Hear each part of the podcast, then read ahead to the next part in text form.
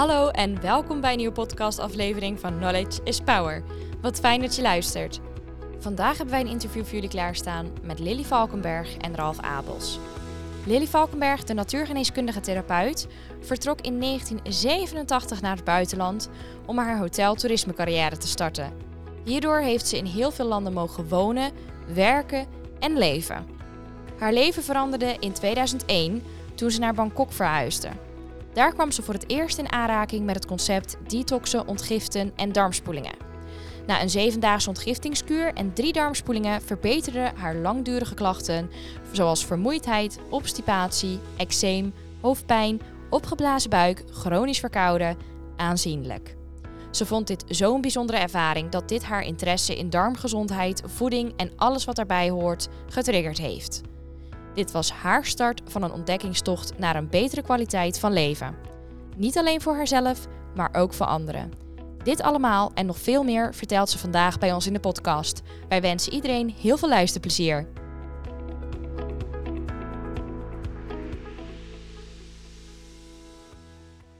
Hallo, hartelijk welkom bij onze nieuwe aflevering van RP Sanitas Humanus, Knowledge is Power.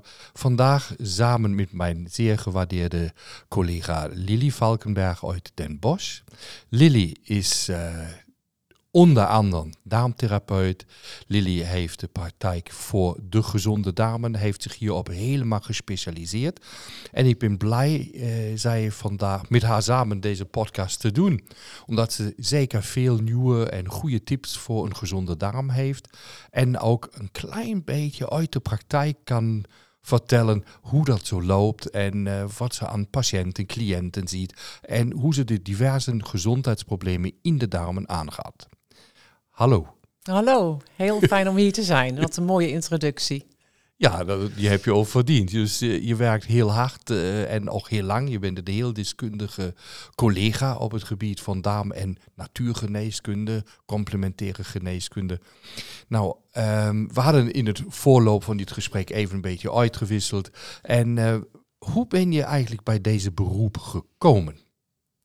Ja, zoals uh, denk ik vele collega's heb ik vroeger uh, veel klachten gehad, vooral darmklachten. Oké. Okay. En um, ik uh, weet hoe heel vervelend en heel chagrijnig je kan worden als je buikklachten hebt. dus ik ben ongeveer een twintig jaar geleden heb ik, ben ik van uh, directie veranderd. Ik, ik heb uh, oorspronkelijk uh, een, een toerisme-hotel-achtergrond. Ja. Maar ongeveer 20 jaar geleden heb ik me gespecialiseerd in gezondheid en darmen. En daar ben ik mee begonnen toen ik in Bangkok woonde. Zo. ik heb heel veel gereisd. ik heb eigenlijk 30 jaar in het buitenland gewoond. Ehm, vanwege die toerisme-hotel-achtergrond. Mm -hmm. En toen ik in uh, 2002 of 3 in uh, Thailand woonde, toen heb ik me bedacht um, en heb ik, uh, heb ik me omgeschoold um, naar gezondheidsprofessional. Dus ik ben begonnen met voedingsleer te gaan studeren. Ja. Dus eerst begrijpen wat voeding doet. Oké, okay. en wat doet voeding? Ontzettend veel, want toen ik mijn voeding aangepast heb en daar ben ik langzaam mee begonnen. Dus het was ja. echt van een, een, boterham met uh, margarine en hagelslag.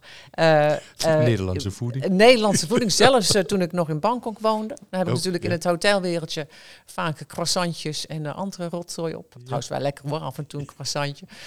Um, maar ik ben daar gewoon heel langzaam begonnen met wat kleine veranderingen aan te brengen. Ja, en dat heeft al gelijk ook hele mooie verbeteringen aangebracht. Dus door je voedingspatroon aan te passen heb je minder buikklachten uh, gehad. Ja. En uh, vandaar ben je dan verder ontwikkeld. Absoluut. Uh, toen ik in Bangkok woonde, ben ik, heb ik een, een, ja, geweldige ervaring op kunnen doen in een, in een detox rejuvenation center heette het okay. toen. Dat. Dat bestaat ook nog, hè. Ja. dat kun je googlen.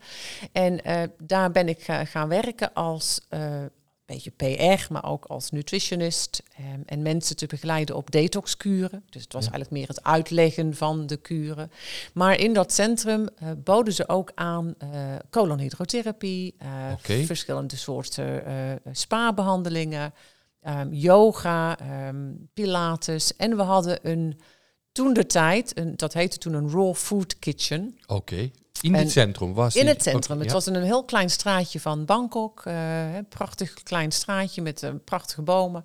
En daar hadden we een, eh, een restaurant buiten op het terras. Dus je kan natuurlijk daar het hele jaar door buiten zitten.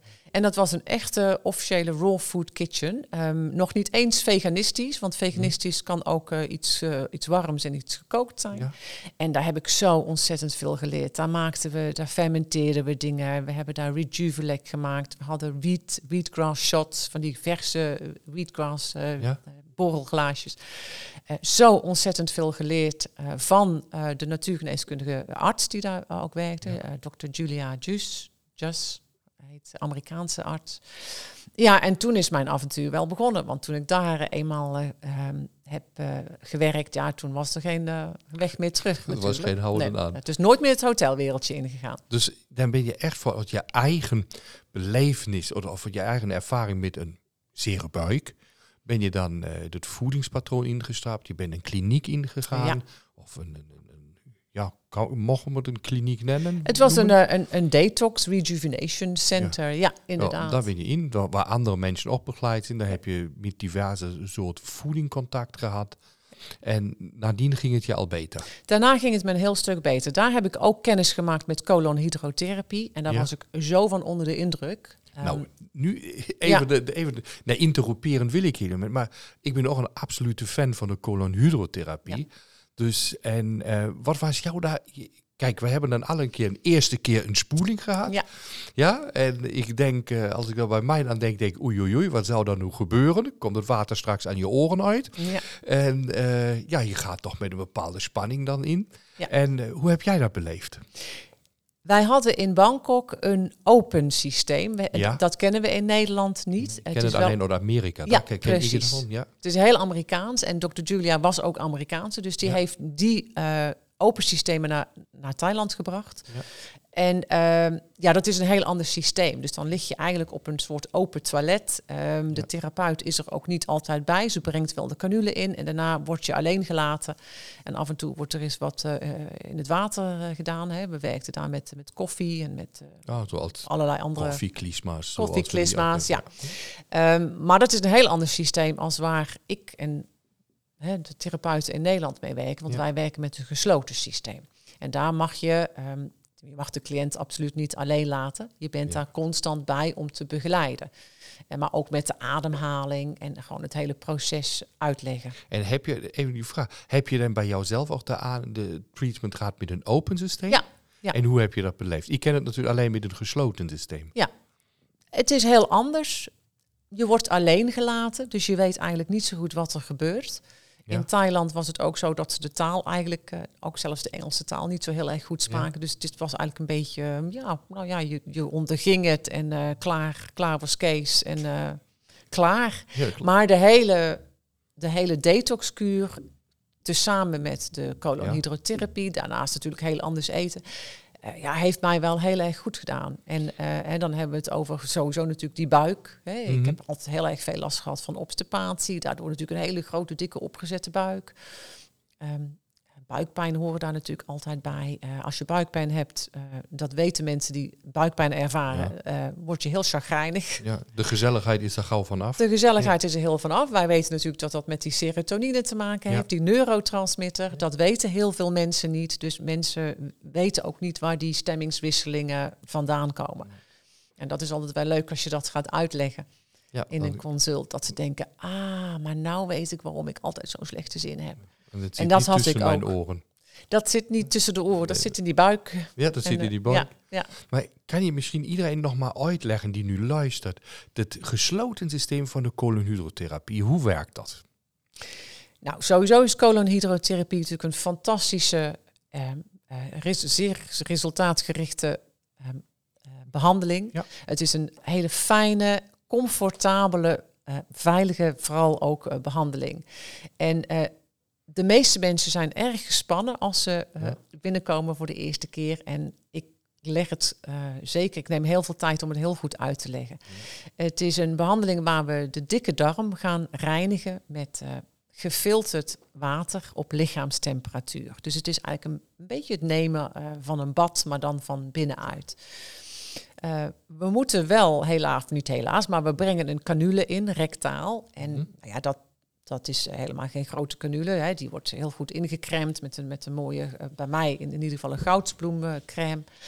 En dan wordt op uitademing wordt de canule heel langzaam en voorzichtig ingebracht. Ehm, nou, en als, dat, als die eenmaal goed ingebracht is, dan zitten daar twee slangetjes aan. Er zit een, een wateraanvoerslang aan en een waterafvoerslang. En die zitten aan een heel mooi apparaat bevestigd. En als, ja, als, we dan, eh, als de cliënt goed ligt, hè, de, hele, de hele behandeling is eh, al liggende op de rug, met een Ja. eh, mo- grote mooie handdoek over je heen. Eh, we hebben een muziekje op de achtergrond. Oké. Ik heb een kaarsje aan. We maken het zo gezellig mogelijk. en dan begint de behandeling. En dan is het eigenlijk een, ja, een kwestie van... Hè, we gaan die dikke darm, hè, die, die ongeveer een anderhalve meter lang is... gaan we vullen met, eh, met water. Dat doen we heel langzaam. Gaat zeker niet ineens. Hè? Dus dat ga je nog in, in kleine stapjes doen. Kleine stapjes. En zeker als iemand voor de eerste keer komt, dan gaan we daar. Ik, ik heb natuurlijk controle over het kraantje wat eh, Ja. aangezet kan worden. Dus we laten het kraantje heel langzaam open gaan. Dus heel langzaam gaat de water naar binnen. Mhm. En ik laat mensen altijd heel kort al. eh, dus we gaan wat vullen en. Eigenlijk na een heel klein beetje water zet ik het apparaat al op lege, waardoor de darm eh, kan ontspannen en waardoor die kan gaan legen. Dus hij, die darm gaat in een peristaltische beweging, die, die Dus je golfbeweging. triggert eigenlijk die peristaltiek, waardoor je het water ingebracht hebt en die gaat op legen zetten, dat dan als je de darminhoud, dus dat betekent de fecale massa, die wordt dan uitgespoeld of ja, brengt zichzelf naar buiten. Ja, want de darm weet eigenlijk heel goed wat hij moet doen. Oké. De darm eh, weet dat als, die, als er water naar binnen komt, dan gaat hij automatisch in een eh, peris- peristaltische beweging. En bij sommige mensen gebeurt dat eh, heel snel. En bij andere mensen duurt dat eh 20, eh 25 minuten voordat er iets gebeurt. Oké. En, maar dat is allemaal goed. Er is geen goed of geen fout. Hè. Eh, een darmspoeling is een darmspoeling. Of een colonhydrotherapiebehandeling Ja, is een, een behandeling. Ehm, voor mij is het heel belangrijk dat mensen zich fijn voelen, ontspannen eh, voelen.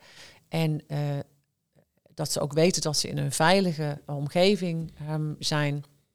Waar ze ook los mogen laten. Want eigenlijk is ontlasten ook loslaten. Ja.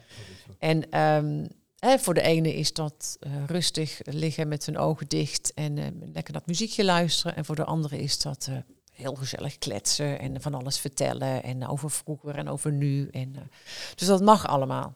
Dus daar, er, is er is geen pijn mee verbonden, geen echt onaangenaam gevoel daarbij. Nee. Ga je ook de buik erbij masseren? Ik doe altijd een buikmassage. Sowieso ehm, gaan mensen eh, eerst op de, op de tafel liggen en ga ik eerst de buik eh, Ja. voelen.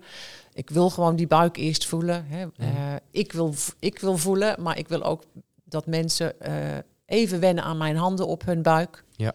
Ehm, ik vraag even of er gevoeligheden zijn. Hè. Als ik aan de linkerkant eh, wat druk eh, geef of aan de rechterkant. Waar, waar is het gevoelig? Is het rondom de navel gevoelig? De meeste mensen, eh, en niet iedereen hoor, er zijn vele redenen waarom je colonhydrotherapie kan doen. En sommige mensen doen het preventief. Hè. Niks aan de hand, ja. geen klachten. Die doen het samen met een sapvaste of een vaste periode. Maar er zijn natuurlijk ook mensen met, eh, wel met klachten. Ja. Welke zijn dat, die je vaak ziet? Ja, dus er komen vaak mensen met obstipatieklachten. Hè, mensen die gewoon heel slecht naar het toilet kunnen. Het is eigenlijk de bedoeling dat als jij drie keer per dag eet, dat je in ieder geval ook één of twee keer per dag naar het toilet eh, kunt. Gewoon Dat op je een mag lozen. dat je mag lozen, gewoon op een hele natuurlijke manier. Ja. Maar er zijn echt heel veel mensen die ehm, ja, maar één keer in de week of één keer in de vier dagen naar het toilet eh, kunnen. Eh, voor wat voor reden dan ook. Er wordt natuurlijk altijd overlegd wat daar eventueel de oorzaak van zou kunnen Mhm. zijn. Maar obstipatie is eh, zeker één eh, reden. Maar er zijn ook vele meerdere klachten eh, waardoor mensen toch eh, zich heel fijn kunnen gaan voelen of fijner kunnen gaan voelen door deze behandeling. Wat, wat ik misschien daar als, als een, een- voor de luisteraars nog mag meegeven, of meegeven wat, mijn ervaring daarmee is als eh, mensen daarmee gespoeld worden, met de colonhydrotherapie gespoeld worden, ze gaan een soort, ik noem het maar, diepen entspannen zijn. Dus na die eerste spanning die dan logischerwijze wat nieuw is, eh, dat die plaatsvindt, dat dan niet de mensen toch behoorlijk ontspannen, ontspannen worden, relaxed worden, met een helder hoofdgevoel weer naar huis gaan Ja. en zich lekker in het vel voelen, meer bij zichzelf zijn. En dat vind ik persoonlijk een van die mooiste effecten uit de colonhydrotherapie dat mensen een schoon gevoel van binnen hebben. Zeggen, nou, ik heb toch nu behoorlijk wat dan niet vriendelijke uh, toxines of afvalproducten eruit kunnen spoelen. En het tweede is dat ze mentaal veel rustiger zijn. En uh, ik weet niet hoe jou dat beleeft in je praktijk. Uh, geven dat je patiënten ook door, cliënten? Zeker weten. Um, de reacties die ik vaak hoor van mensen na de behandeling, is dat ze zich al sinds zeer lange tijd niet zo helder gevoeld hebben in hun hoofd.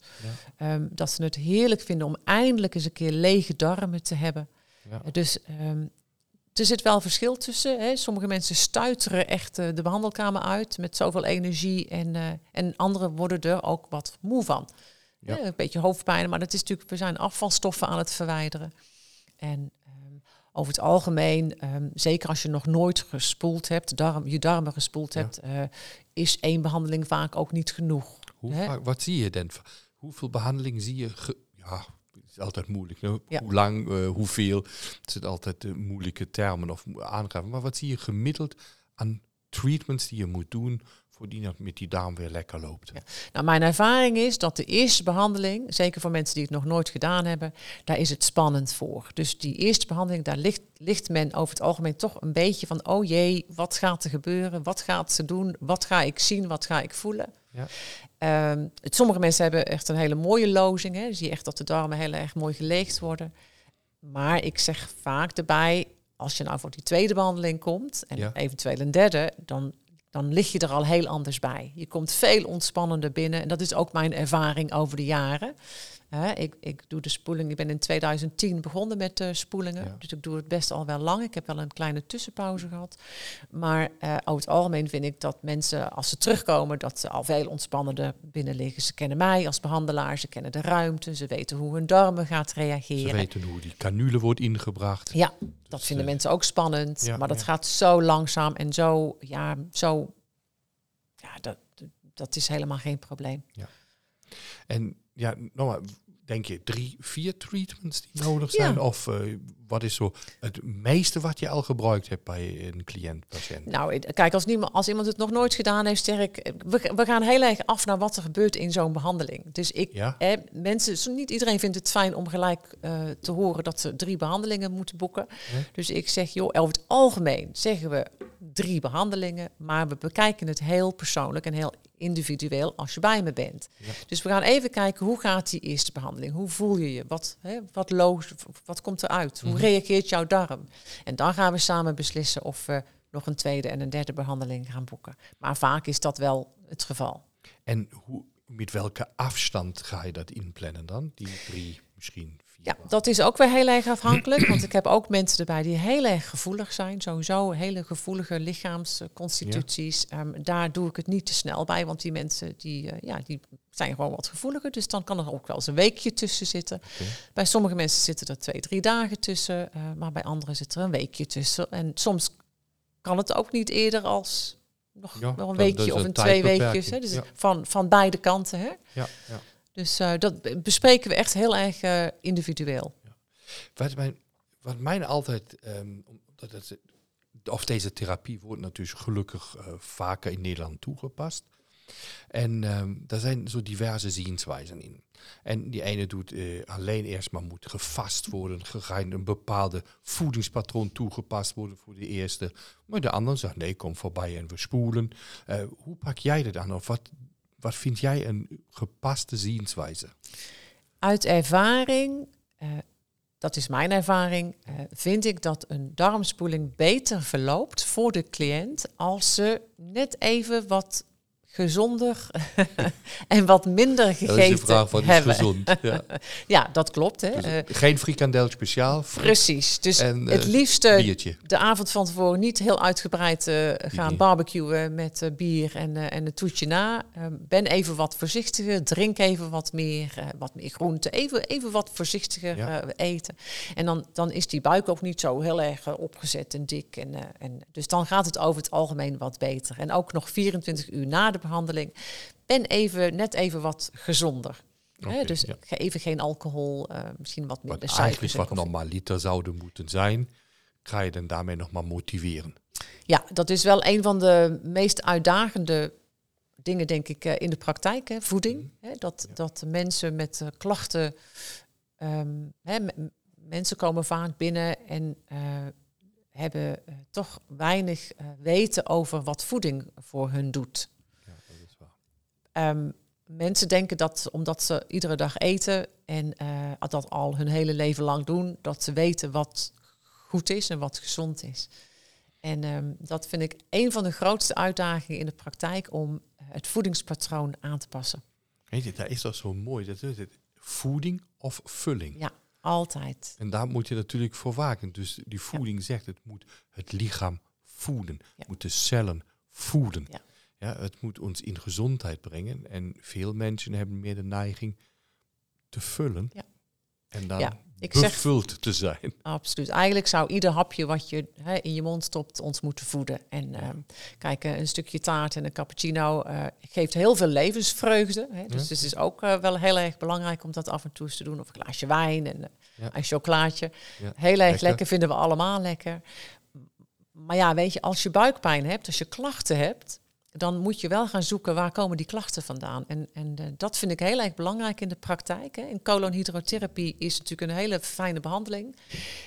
Maar je moet soms ook wat verder kijken. Ja, En ehm, daar loop je bij mij natuurlijk open deuren in. ja, En ehm, verder kijken. En je hebt je heel veel getraind en geschoold. Je hebt eh, de daamtherapie, de daamtherapie specialistenopleiding gedaan. Je bent daadwerkelijk, dat mogen de luisteraars weten, uiterst ervaren in je vak. Je ziet toch behoorlijk wat aan eh, cliënten om hun op weg naar een gezonde darmen te ondersteunen.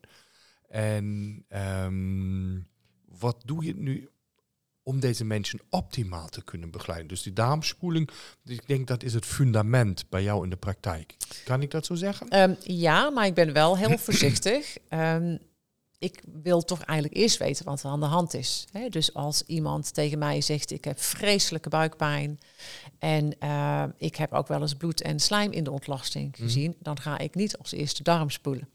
Hè? Heel goed. En dat Dus is natuurlijk dat toch als- ook wel een contra. Er zijn absoluut wel contra-indicaties voor Ja. colonhydrotherapie. Ja, dan, dat is misschien super. Dus ik zou bijvoorbeeld niet zeggen bij een darmontsteking dat we maar vrolijk eh, gaan doorspoelen. Precies. Om het heel misschien oneerbiedig zo te zeggen, maar dat is mijn inzien een contra-indicatie. Absoluut. Wat heb je nog aan contra-indicaties? Nou ja, je hebt wel meerdere, eh, zoals eh, hè, mensen hebben nier, nierproblemen. Ja. Eh, daar willen we niet te veel water in brengen. maar ook natuurlijk, ja, toch wel... je bedoelt wel een nierinsufficiëntie. Ja, nierinsufficiëntie, Ja, absoluut. En ehm, ja, ik ben natuurlijk een, een praktijk. Ik zit niet in een, in een, in een ziekenhuis of, of in een... in- in- in- dus ik ben natuurlijk ook voorzichtig met mensen die toch kanker hebben. Hè? Eh, Mhm. en ik weet dat het ook wel heel goed kan zijn, misschien. Ja. Maar ik- ja, daar, dat vind Ja, ik toch altijd een... eh, dus er zijn wel contra-indicaties, maar daarom hebben we, eh, wat, waar ik vaak mee begin als mensen mij bijvoorbeeld e-mailen, als ze me niet gelijk bellen, dat ik toch even een kort eh, eh,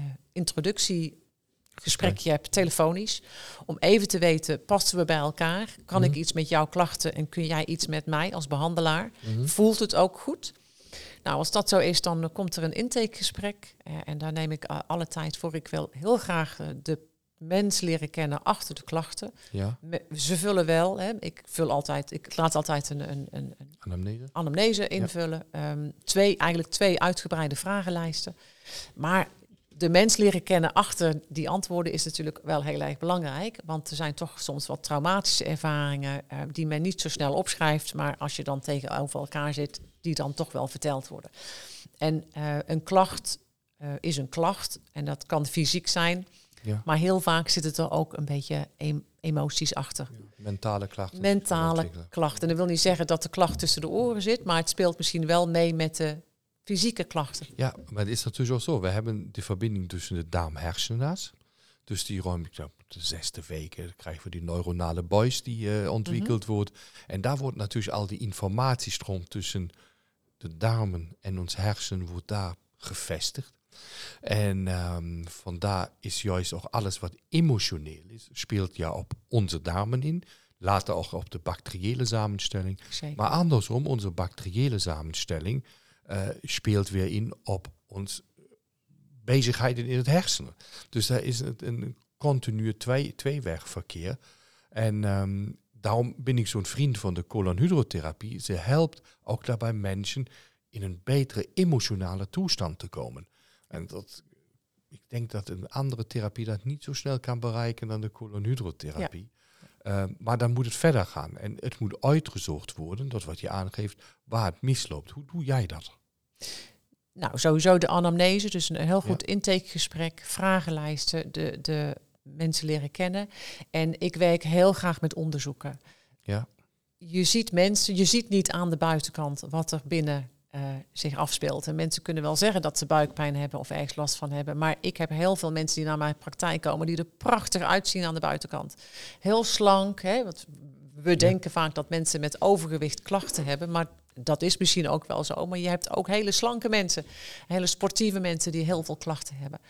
En die niet eens zo heel erg ongezond eten. Ik heb best wel veel mensen in de praktijk die best eigenlijk best wel gezond eten. En zelfs in mijn ogen gezond eten. Ja. En toch heel veel klachten. Dat is kritisch. Ja, ja. en uh, dus ik eh, ben ook wel een hele grote voorstander van onderzoeken. Eigenlijk werk ik uh, ja, 9 van de 10 keer met onderzoeken. Mhm. En dat doe ik, dat zijn ontlastingsonderzoeken. En wat meet je in die ontlastingonderzoeken? Ontzettend veel. We beginnen sowieso altijd met de vertering. Hè. Dus we gaan altijd kijken naar de kleur uh, van de ontlasting, um, naar de uh, consistentie, de pH-waarde. Ja. We gaan kijken of er onverteerde voedingsresten in zitten. Hè. Zitten de er echte verteringskwaliteit, ja. loopt niet lekker? Ja, loopt het goed. Hè. Um, daarna uh, er wordt er uiteraard getest op darmflora. Hè. Mm. Hebben we genoeg goede beestjes in ons? Hebben we ook nog wat slechtere in ons? Er worden ja, veel dingen getest. De parasietjes, gisten, schimmeltjes de Helicobacter pylori, uh, de maagbacterie, waar toch uh, stiekempjes ook best wel veel mensen uh, last, van, last, van, hebben, wat uh, vaak ook niet getest wordt regulier. Um, Tenminste niet direct. Niet direct, hè, direct, absoluut. Ja. De pancreas wordt getest, maakt die genoeg enzymen aan om de vertering optimaal te laten plaatsvinden. Ja, er wordt zoveel getest. Het is een ontzettende mooie test waar je heel veel duidelijkheid. Kijk je dan daar ook naar de ontstekingen? Of de ontstekingen zijn om juist niet een verkeerde indicatie toe te passen? Zeker, die was ik even vergeten. Maar die ontstekingen, er worden ehm, heel veel ontstekingswaarden getest. Okay, dus je ehm, kijkt niet alleen naar de standaard calprotectinewaarde, die meestal als een liedende waarde genoemd wordt. Ja, en uh, die uh, zelfs vaak uh, niet aanstaat. Hè, maar dan zijn er andere ja. ontstekingswaarden die getest worden in het laboratorium, die ja, heel vaak toch aanduiden dat er een flinke ontsteking zit. Ja. Nou, uh, als er dan zo'n flinke ontsteking zit, ga ik niet darmspoelen. Hè? Dan uh, gaan we eerst zorgen dat die ontsteking beheerst wordt. Uh, we gaan sowieso die vertering eens even heel goed op orde brengen. Hè? Je merkt toch vaak dat mensen ja, toch ook wel door spanning en stress en haasten en overprikkeling, um, waar de vertering niet goed van loopt dan heb je het over de maagvertering, pancreasvertering. Uh, wij, wat dat betreft zijn we natuurlijk allemaal wat, uh, wat gestrest. Hè. Je, hoort ontzettend vaak dat mensen heel weinig tijd nemen om te eten. Ja. Ze zitten niet meer, ze kouwen niet meer genoeg. Ik heb zelf een hele mooie ervaring. Ik ben een paar ik heb samengewerkt met, met de artsen van Viva Meijer van de, in, in Oostenrijk. En ik ben daar ook twee keer gast geweest. Ik mocht er ook... Uh, gemaierd. Gemaierd. En um, ik weet nog dat ik daar in het restaurant zat en dat de, de kelners, of de kelnerinnen, hoe noem je, hoe noem je ze? Uh, ja, de serveersters. De serveersters echt naar de tafel kwamen om te zeggen, um, op, op zijn Oostenrijks, dat ik maar vooral moest kouwen. En dat ik, hey, er was geen telefoon, je mocht de telefoon niet meenemen, je mocht geen krant lezen. We hadden een prachtig uitzicht op de bergen, maar we moesten kouwen. Kouwen, kouwen, kouwen. En je krijgt daar je, je ontbijtje en je lunch en je diner geserveerd op een warm, warme plaat. Ja. Zodat je ook de rust kon nemen om... Een warme maaltijd. Een warme maaltijd, maar ook te kouwen. Want mensen moeten het allemaal snel, snel, snel, anders wordt het eten koud. Ja. En dus ik hamer er ook echt op bij mensen om in ruststand te eten. Dat is zo een Neem alsjeblieft de tijd om te eten. Ja. doe eventjes, al, al, heb je, al heb je maar 30 minuten, even voordat je gaat eten, haal even een paar diepe ademhalingen. Kijk, vroeger deden ze een gebedje, ja. dat doen we niet meer. Maar neem even een paar diepe ademhalingen voordat je gaat eten. Ga dan in rust eten, geniet ervan. Proef wat je, Wat wat je je, eet. eet. En als je klaar bent met eten, ga niet gelijk opstaan en rennen. Maar blijf ook nog even, als het kan, 10 minuten zitten. En, eh, natafelen. Even, na- ja, zoals we dat Ja. eigenlijk doen. Hè. En je hoort natuurlijk heel veel mensen zeggen, oh, maar op vakantie heb ik nergens last van. Hè, van darmklachten. Ja. maar dat is omdat je lekker aan tafel zit, het zonnetje schijnt, je- hebt alle rust, je neemt de tijd om te kauwen en van de omgeving te genieten. Maar zo gauw we weer thuis zijn, gaat het weer Oké. helemaal fout. Kom je weer in, de sleur van de dag. Maar Ja. dat is zo, eh, Lili, wat vind ik ook zo belangrijk dat we dat mensen mogen meegeven. We kunnen alleen verteren in rust. En dat wordt zo vaak vergeten. En we eten maar tussenin een hapje. Ja, dat kan een keer, maar als het een patroon is, een leefpatroon, dan ontstaan verteringsklachten. Met name enzymatische verteringsklachten. Dus ons systeem kan natuurlijk alleen in rust ook die enzymatische activiteit ter beschikking stellen. En als dat niet ter beschikking gesteld wordt, bijvoorbeeld uit de pancreas of de maagzaadproductie is niet voldoende, dan krijg je niet goed opgesplitste voeding. En die wordt van bacteriën verteerd. En niet altijd van die die je wil voeden. En dan ontstaan chronische klachten. Dan vind ik het zo belangrijk dat je dat hier ook nog maar beklemtoont. Mensen, neem de rust om te eten. En leg nu ook je gsm bij het we- eh, we- eh, eten weg. En ga liever met je tegenover lekker kletsen. Ja.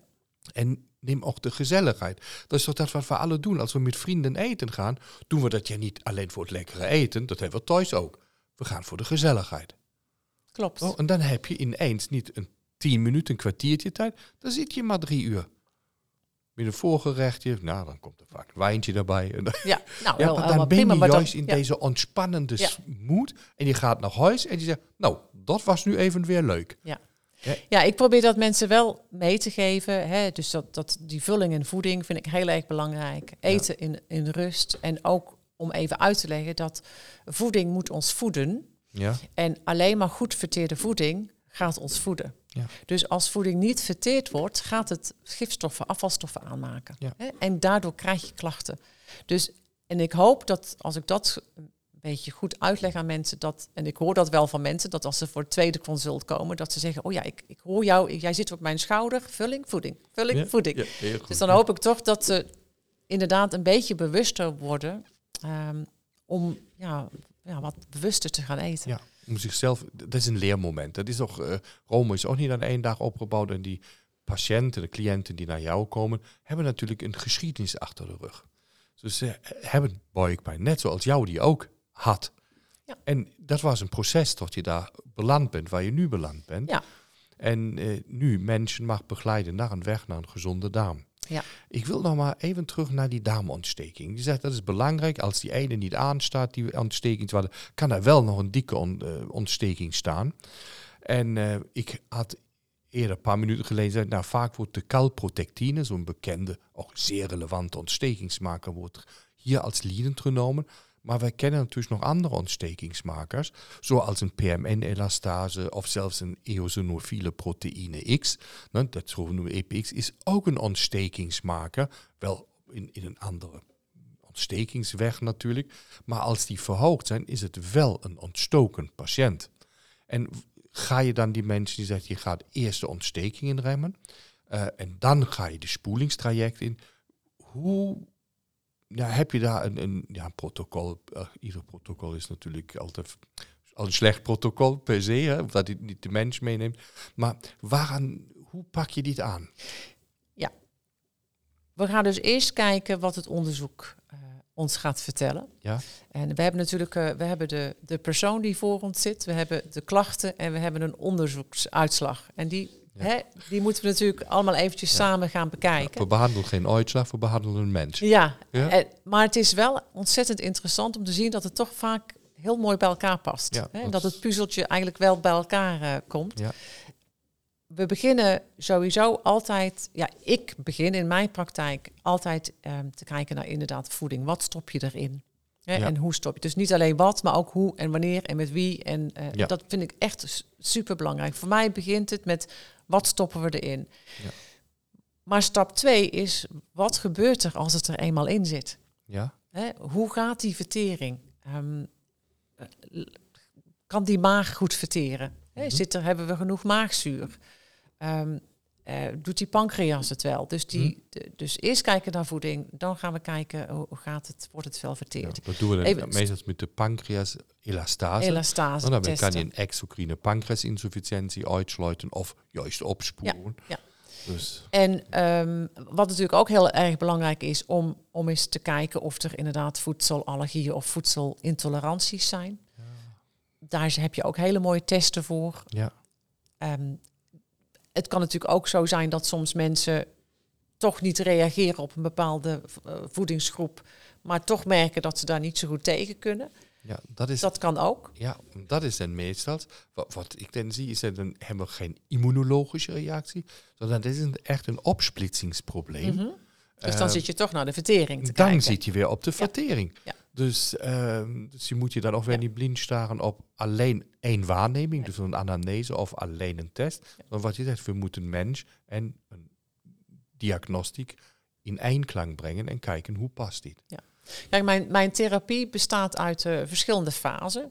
Ehm, En die fase 1 die is echt eh, ja, om ontstekingen te beheersen, eh, vertering te optimaliseren, maar ook om lever, gal, nieren, bloed, lymfe te ondersteunen.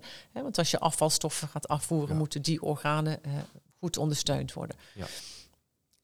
Maar wat je. ehm, De fase 2, Ja, die, nou ja, die fase dat- 1, maar- dus oh ja, wat ik- voorbereidende ja, fase. nou ja, wat dus ik wilde zeggen. ontsteking, ontgifting ondersteunen of ontsteking beheersen, ontgifting ondersteunen. Ja.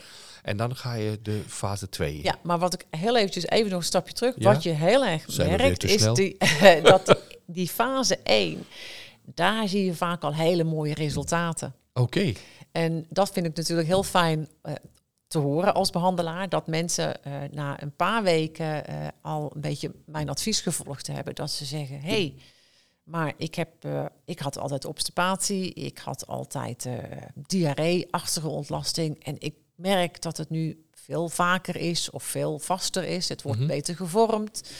Eh, mijn buik eh, wordt een stuk minder dik. Eh, ja, ik voel me, ik slaap zelfs beter. ja, dat is toch En fantastisch. dat is dan natuurlijk heel mooi. Nou ja, als dat dan is, hè, dan kun je wel richting fase 2 gaan. En fase 2 is dan, eh, hè, dan hoop je dus dat die ontstekingen beheerst zijn, dat de vertering een stuk beter loopt. En die fase 2, eh, dat noem ik dan de opruimfase. ja, En daar ga je kijken van, hey, is er nog iets op te ruimen? Hebben we misschien gezien dat er gistjes of schimmeltjes eh, zitten? Zitten er misschien darmparasietjes? Misschien wat, wat foute bacteriën? ja. Dus dan gaan we in, in fase 2 beginnen. Maar is dat bij iedere patiënt nodig of eh, afhankelijk van die diagnostiek? heel erg afhankelijk natuurlijk ook. En mensen hebben ook nog wat te zeggen zelf. dus als mensen zich helemaal prima voelen naar fase 1 en, en denk, ja ja goed, we, we gaan in overleg. Ja, ja. Hè, dat wordt allemaal En overlegd. die nodig, dus als er potentieel pathogenen zijn, dus eh, of dat nu gisten, schimmels, bacteriën, parasieten zijn, hoe dan ook, die mogelijk een ontsteking veroorzaken, pak je die aan. Als we denken dat dat, eh, ja precies. Hè, dat, ah, we willen natuurlijk eh, voorkomen dat, dat die ontsteking ehm, zich gaat herhalen. Als we Ja, hem eenmaal weggehaald hebben, maar hij komt daarna weer terug. Ja, dan, Dat ja, wil je niet. dat eigenlijk Nee. is het niet de bedoeling dat ze eh, constant naar mij toe komen. Nee, Nee, ze moeten dat ook zelf gaan oplossen. Hè. Ze moet, Ja. het is niet zo dat ik hun problemen ga oplossen. Het lichaam gaat dat ook zelf doen. En we gaan daar aan de slag met voeding. We gaan aan de slag met wat supplementjes. Ja, hè, het is een samenspel van eh, Ja. dingen. Dus dan ga je, we noemen dat ja de eradicatiefase of de ja, die pathogenen, potentieel pathogenen opruimt, indien dan nodig. Mhm. En wat zie je in die fase? Ik eh, zie daar verschillende dingen. Sommige eh, mensen gaan daar heel mooi doorheen. Ja? Ehm, maar er zijn ook zeker mensen die dat een wat uitdagende fase vinden. Ja. Eh, die daar wat moe van worden. Ehm, ja, het- je bent heel erg aan het opruimen. En eh, eh, Ja, dan opruimen is ontstaan niet... die ook weer gifstoffen en die moet toxines. Ja, dus de begeleiding daarbij is heel erg belangrijk. Ehm, ik bied die begeleiding ook aan. Ehm, En spoel je ook in die fase? Of je... Zeker weten. Fase 2 is uiteraard de fase waar, er, waar we de koolhydraterapie gaan toepassen. Ja, Ja, het dat is is natuurlijk per- perfect. perfecte behandeling. Echt een een fantastische behandeling om in die fase 2 in te zetten. Dus fase 1 gaan we, als er ontstekingen zitten, gaan we niet spoelen. Fase 2, daar worden de darmspoelingen ingezet. Ja. ja, en dan zie je ook wel hele mooie resultaten. Dus eigenlijk help je dan door die darmspoeling ook de, de toxische lood die dan ontstaat, uh, die help je sneller mee ook uit je darmen te krijgen. Dan wordt het systeem van de mens minder belast. En dan gaan we, naar, dus die fase 2 die is, is door. En dan ben je klaar of uh, ga je nog een, een verdere fase doen?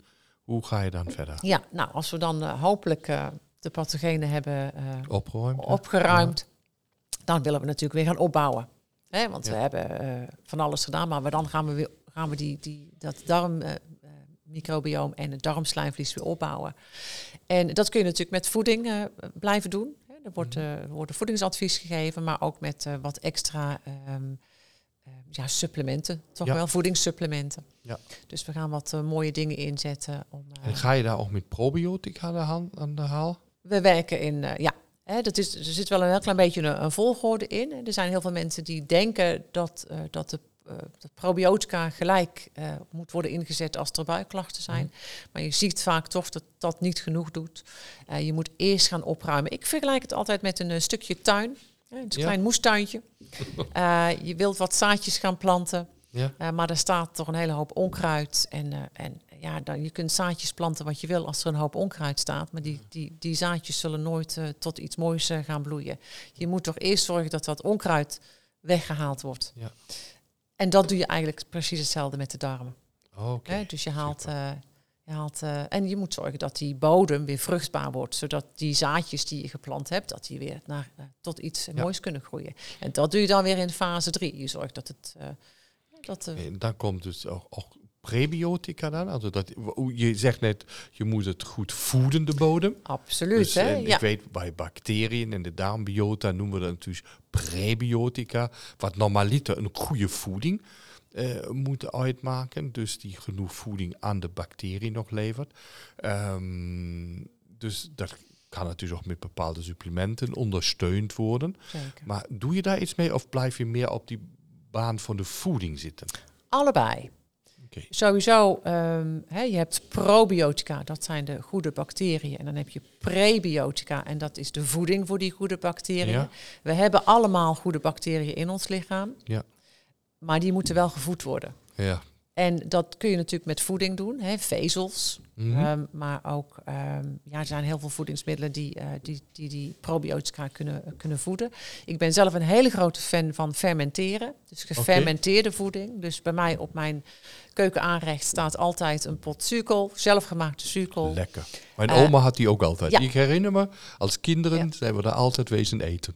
En ik vond het vroeger vreselijk, maar ik heb het echt ja. leren eten. En, uh, en zeker als die zelf gemaakt is, vind ik hem heel erg lekker. Ja, heerlijk. Maar ik maak ook mijn eigen kombucha thee. Ik maak uh, zuurdesem. Dus ik uh, doe regelmatig een heerlijk zuurdesem pannenkoekje maken. Ja, ook brood. Leuk. Ik maak mijn eigen brood. Dus dan doen we er een kopje zuurdesem bij. Dat zijn allemaal gefermenteerde voedingsmiddelen. Kefir is natuurlijk ook een... dat is gefermenteerde zuivel. Mm -hmm. En ik maak het dan niet van koemelk, maar ik pak een geit over schapenmelk. Oké. Okay. Uh, waterkefir heb je. Dus dat zijn allemaal dingen die je kan toevoegen. Gewoon in je, in je dagelijkse voedingspatroon. Leer je dat ook uh, je patiënten of vertel je over? Ik uh, heb in het verleden workshops, fermenteren workshops gedaan. Maar toen ja. had ik een keuken waar ik mensen kon uitnodigen. Die heb ja. ik nu niet meer. Ja, dan gaat het niet meer. Nee, dat gaat niet meer. Helaas was wel heel leuk om te doen. Ja ik werk nu heel graag samen met een hele lieve collega van mij, Evie. Uh, en die helpt als ik, uh, want er gaat ook heel veel tijd in zitten. Ja, en um, ik stuur mensen wel eens door naar haar om net even wat uh, ja, mensen bij de hand te pakken om dat soort dingen ook allemaal te leren. Om weer te leren. En, en te, ja. Eigenlijk is toch heel grappig. Kijk, dat was de, nou, de generaties voor ons, zeg maar opa's en oma's, die hebben dat nog altijd gedaan. Absoluut. Dan was het gewoon normaal dat ze fermenteerden ja. en uh, de voeding voorbereiden. Ja. Ja. Dus je kunt ook compleet heel... gaan verloren, die, die kennis ook bij mensen. Hoe kan je dat doen? Je kunt alles fermenteren. Je kunt vis fermenteren, allerlei soorten groenten. Dus toen ik de workshop deed, dan deden we bloemkool en bieten. Je kunt een hele mooie bietenkevas maken, dus een, een bietendrankje. Ja.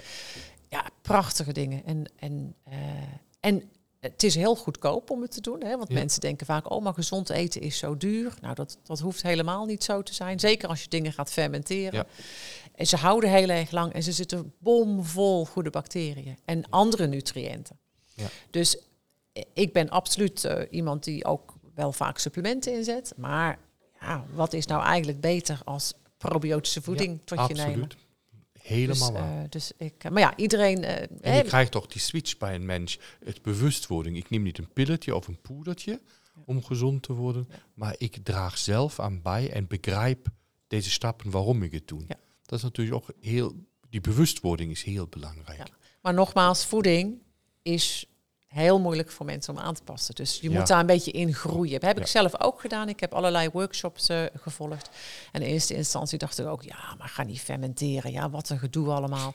Maar nu vind ik het leuk om een zondagochtend in de, in de keuken te staan en dingen te gaan fermenteren en eh, iets lekkers bakken met eh, ja, van allerlei. Dus je, je moet daar een beetje, het moet een beetje een hobby worden. Maar gezondheid moet een hobby worden. Ja. Het, heel heren doel, hè? dat gaat Ja. ons leven natuurlijk. Ja. Dus dat moet gezond zijn, anders Ja. kunnen we het leven niet genieten. En als je nu deze derde fase, zoals je het noemt, hebt afgesloten, komt dan nog wat achter? Of eh, zeg je nou, beste patiënt, leuk, eh, Ja. je, gaat het goed, eh, doe je daar nog wat met onderhoud? Ja, die onderhoudsfase, ja, die houdt nooit op eigenlijk, hè, Ralf. Ja. Die, die, die onder, dat onderhoud, dat je wil als het, als het goed is, wil je nooit meer terug naar Nou, de klachten die je had. ja. Dus ik hoop dat ik ehm, samen met de cliënt, eh, of dat de cliënt begrijpt dat, dat hij bepaalde dingen moet volhouden. eh, voeding, hè, Ja. leefstijl. Leefstijl, ja. Daar hoort ja niet alleen voeden, hoort ook Nee. bij. Probeer ook te ontspannen. En al die dingen die in deze maatschappij verloren gaan, maar die zien we natuurlijk in ons vak vaker terug. En eh, wij zelf zijn er ook af en toe slachtoffer van. Is het niet zo dat we daar niet zelf in die sleur komen? En eh, dan moet je af en toe wel weer bij het oorlelletje pakken en zeggen, nou, even weer een klein beetje goed nadenken wat je doet. Nou, dat is dan ook wel fijn bij, bij om even terug te komen op koolhydraterapie, waar we eigenlijk altijd mee beginnen, is even een paar diepe ademhalingen halen. Ja, Even tot rust komen. Ik zeg altijd tegen mensen, zie het maar gewoon even als jouw momentje. Hè. Je bent toch ongeveer een 45, 45 minuten bezig met die behandeling. Geniet ervan. ja, Ga lekker ademen. super. Denk aan iets gezelligs. En, eh, en ja, weet je, het is een hele fijne colonbehandeling. dus, eh, maar vooral ook ademen. En ik moet af en toe mensen gewoon eraan laten denken van, ben je nog aan het ademen? Ja. Laten we nog eens even een paar diepe ademhalingen halen. En dat is voor mij ook goed. Want ik ga ook gelijk ademhalen. Ja. Dus ehm, Je gaat daarbij ook mee ontspannen. zeker weten. Ja, dat is hartstikke goed. En als je nu die mensen dan hebt begeleid in dit mooie traject, ze, ze hebben minder klachten, ehm, maak je dan die koolhydraterapie, zeg bijvoorbeeld, kom alle drie maanden een keer om een, een spoeling te doen? Of zeg je, nou, ik hoor je weer als je klachten hebt en ik hoop je niet meer te zien, omdat Ehm. je je leven eh, goed Ja, georganiseerd hebt. nou dat is natuurlijk heel fijn als mensen in ieder geval geen klachten hebben. Hè. Dat, Ja. is, dat is de bedoeling. Maar ehm, je moet natuurlijk eh, je darmen wel onderhouden. En ik Ja. vergelijk het vaak met naar de tandarts, naar de mondhygiënist te gaan. Oké, dat is een mooie, dat is een mooie Ja, vergelijking. ja. Eh, over het algemeen hier in Nederland zeggen we, we gaan twee keer per jaar naar, het, eh, naar de tandarts. Ja. Eén tot twee keer per jaar naar de mondhygiëniste. Doe ik zelf ook. En dan sta ik toch ook altijd nog wel een beetje versteld van, alhoewel ik poets en flos en tongschraap, wat er dan alsnog eh, Wat er nog binnen zit, binnen zit. Ja. Eh, en eh, dat kun je een beetje vergelijken met de darm. Hè? En dat is een mooie als jij, je kunt iedere dag prachtig naar het toilet gaan. hè, en ook het, hè, dus als je naar het toilet geweest bent, dat je je leeg voelt of niet zoveel hoeft te vegen. Nou, dan heb je op zich een mooie ontlasting. Ja. Maar er zijn echt heel veel mensen die dat toch niet hebben. Nee. Hè, er zijn toch mensen die geobstipeerd zijn. Eh, heel vaak mensen die het gevoel hebben dat ze gewoon niet leeg zijn. Ja, dat ze niet ontlast voelen. Het woord, dat is een mooie... In, in het Duits hebben we dit woord niet. Hè? Ontlasten. Ja, Ja. ontlast, dat heet het stoelgang. Ja. Ja, dat komt omdat je vroeger op een, een kruk gegaan bent met een gat daarin. Ja. Ja. dat is stoel. Maar dat ontlasten vind ik zo een gepaste uitdrukking Ja. voor eh, het naar de wc gaan. Ja. Eh, omdat het echt, je moet het gevoel hebben ontlast te zijn. Dat is wat we ook aan eh, de mensen kunnen vragen. Als je op de, als je op de wc was, voel je dan nadien ook echt goed last. Dat als dat niet het geval is, dan is daar iets in de regel niet oké. Ja. En de meeste mensen die bij mij in de praktijk komen, kunnen zeggen nee. Zelfs mensen die last van dunne ontlasting hebben.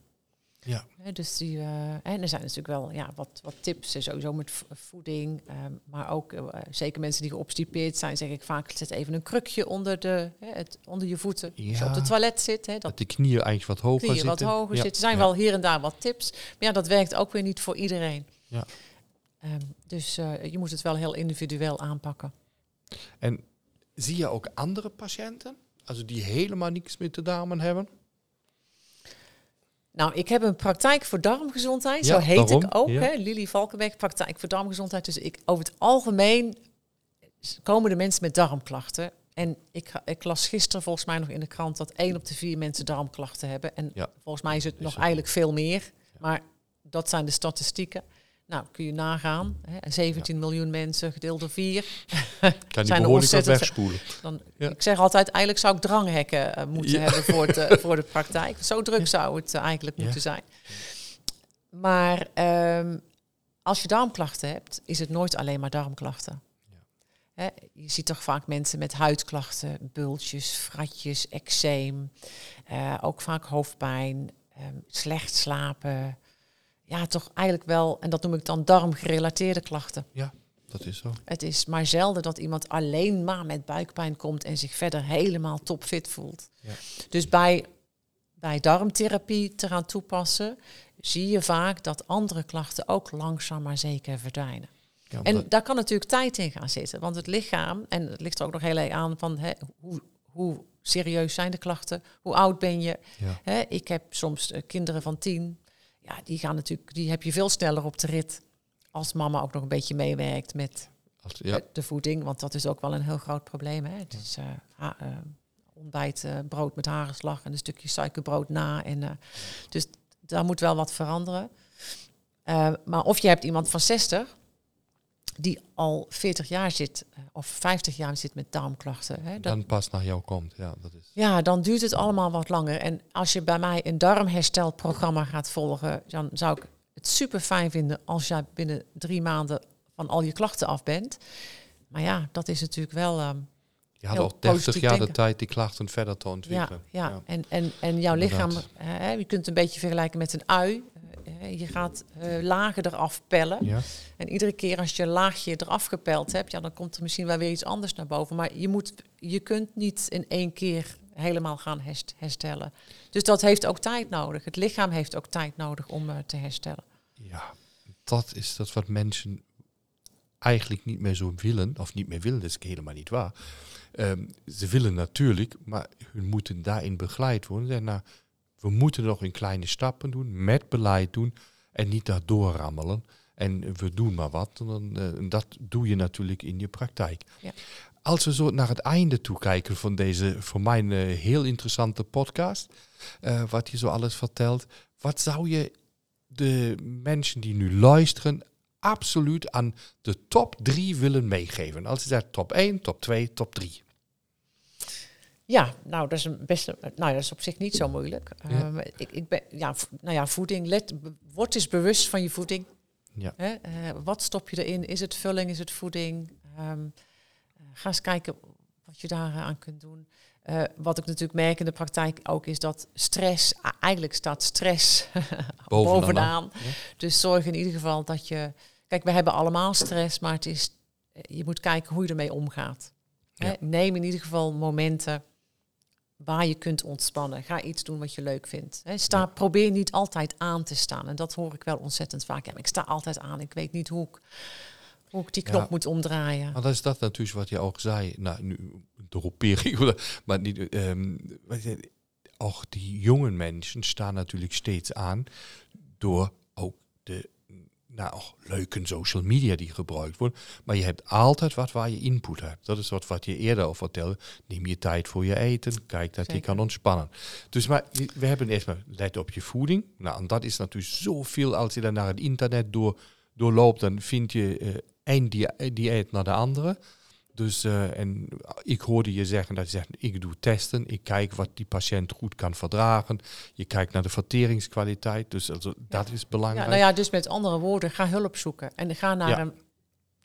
Hè, er zijn heel veel mensen die alle wegen al uh, uh, bereisd hebben met, nou ja, goed, ik wil niet negatief zijn, helemaal niet over huisartsen of, of uh, specialisten, hè, maar, maar ze komen niet verder. Ja. Ga dan eens kijken of er misschien toch een darmtherapeut ergens in de buurt zit die, die je met de voeding een, kan ondersteunen. Ja, maar ook een hele andere benadering heeft. Hè. We hebben toch een wat andere benadering waar, waardoor we toch hele mooie resultaten zien. Ja. En, dus maar de voeding en dan had je het ontstressen, also neem die rustmomenten of kijk in ieder geval dat je uh, in je dagelijks leven die rustmomenten kan inbouwen. Als top 2. En wat heb je top 3? Ja, wat zou ik als ja, darmen. Hè? Dus zorg, zorg goed voor je darmen. Ja, ja, dat is een mooi. Ja, en dat is natuurlijk ook weer voeding en stress en koolhydraten. Dus eigenlijk ja. alles ja, dat wat we nu besproken alles hebben. Alles wat we besproken hebben is, valt eigenlijk onder die drie punten. Nou, dan laten we dit als een fantastisch eindwoord uh, nemen, of een eindstatement van Lily. Dus zorg voor je damen en wees lief voor je damen, als ik dat nog zo mag aanvullen. Precies. Lily, dankjewel voor dit, uh, voor mijn zeer interessante, uh, die interessante podcast. En meer inzicht te krijgen hoe je werkt en hoe breed je in je therapie staat om je patiënten en cliënten te begeleiden. Mijn hartelijk dank en veel, veel succes in de praktijk in Den Bosch. Dankjewel.